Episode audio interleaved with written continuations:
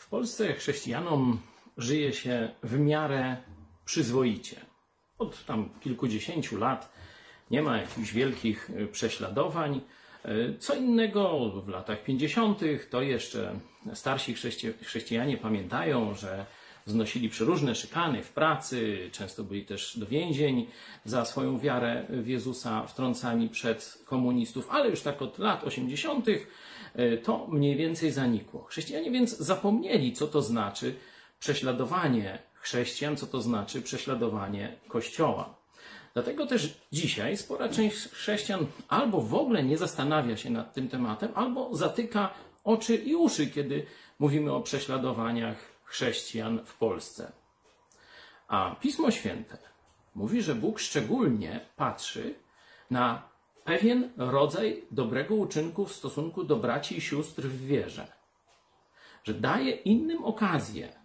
A przeczytam wam, żeby nie być gołosłowny, dziesiąty rozdział listu do Hebrajczyków. Przypomnijcie sobie dni poprzednie, kiedy po swym oświeceniu, czyli nawróceniu, wytrwaliście w licznych próbach, zmaganiach z utrapieniami.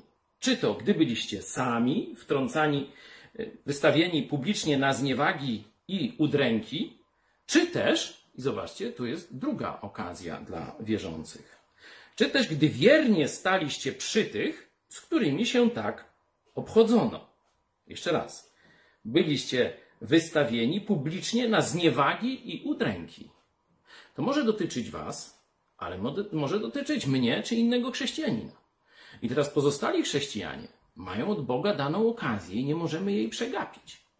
Powinniśmy właśnie wiernie stanąć przy tych, z którymi się tak obchodzi władza państwowa, bo to ona tutaj jest w kontekście prześladowania.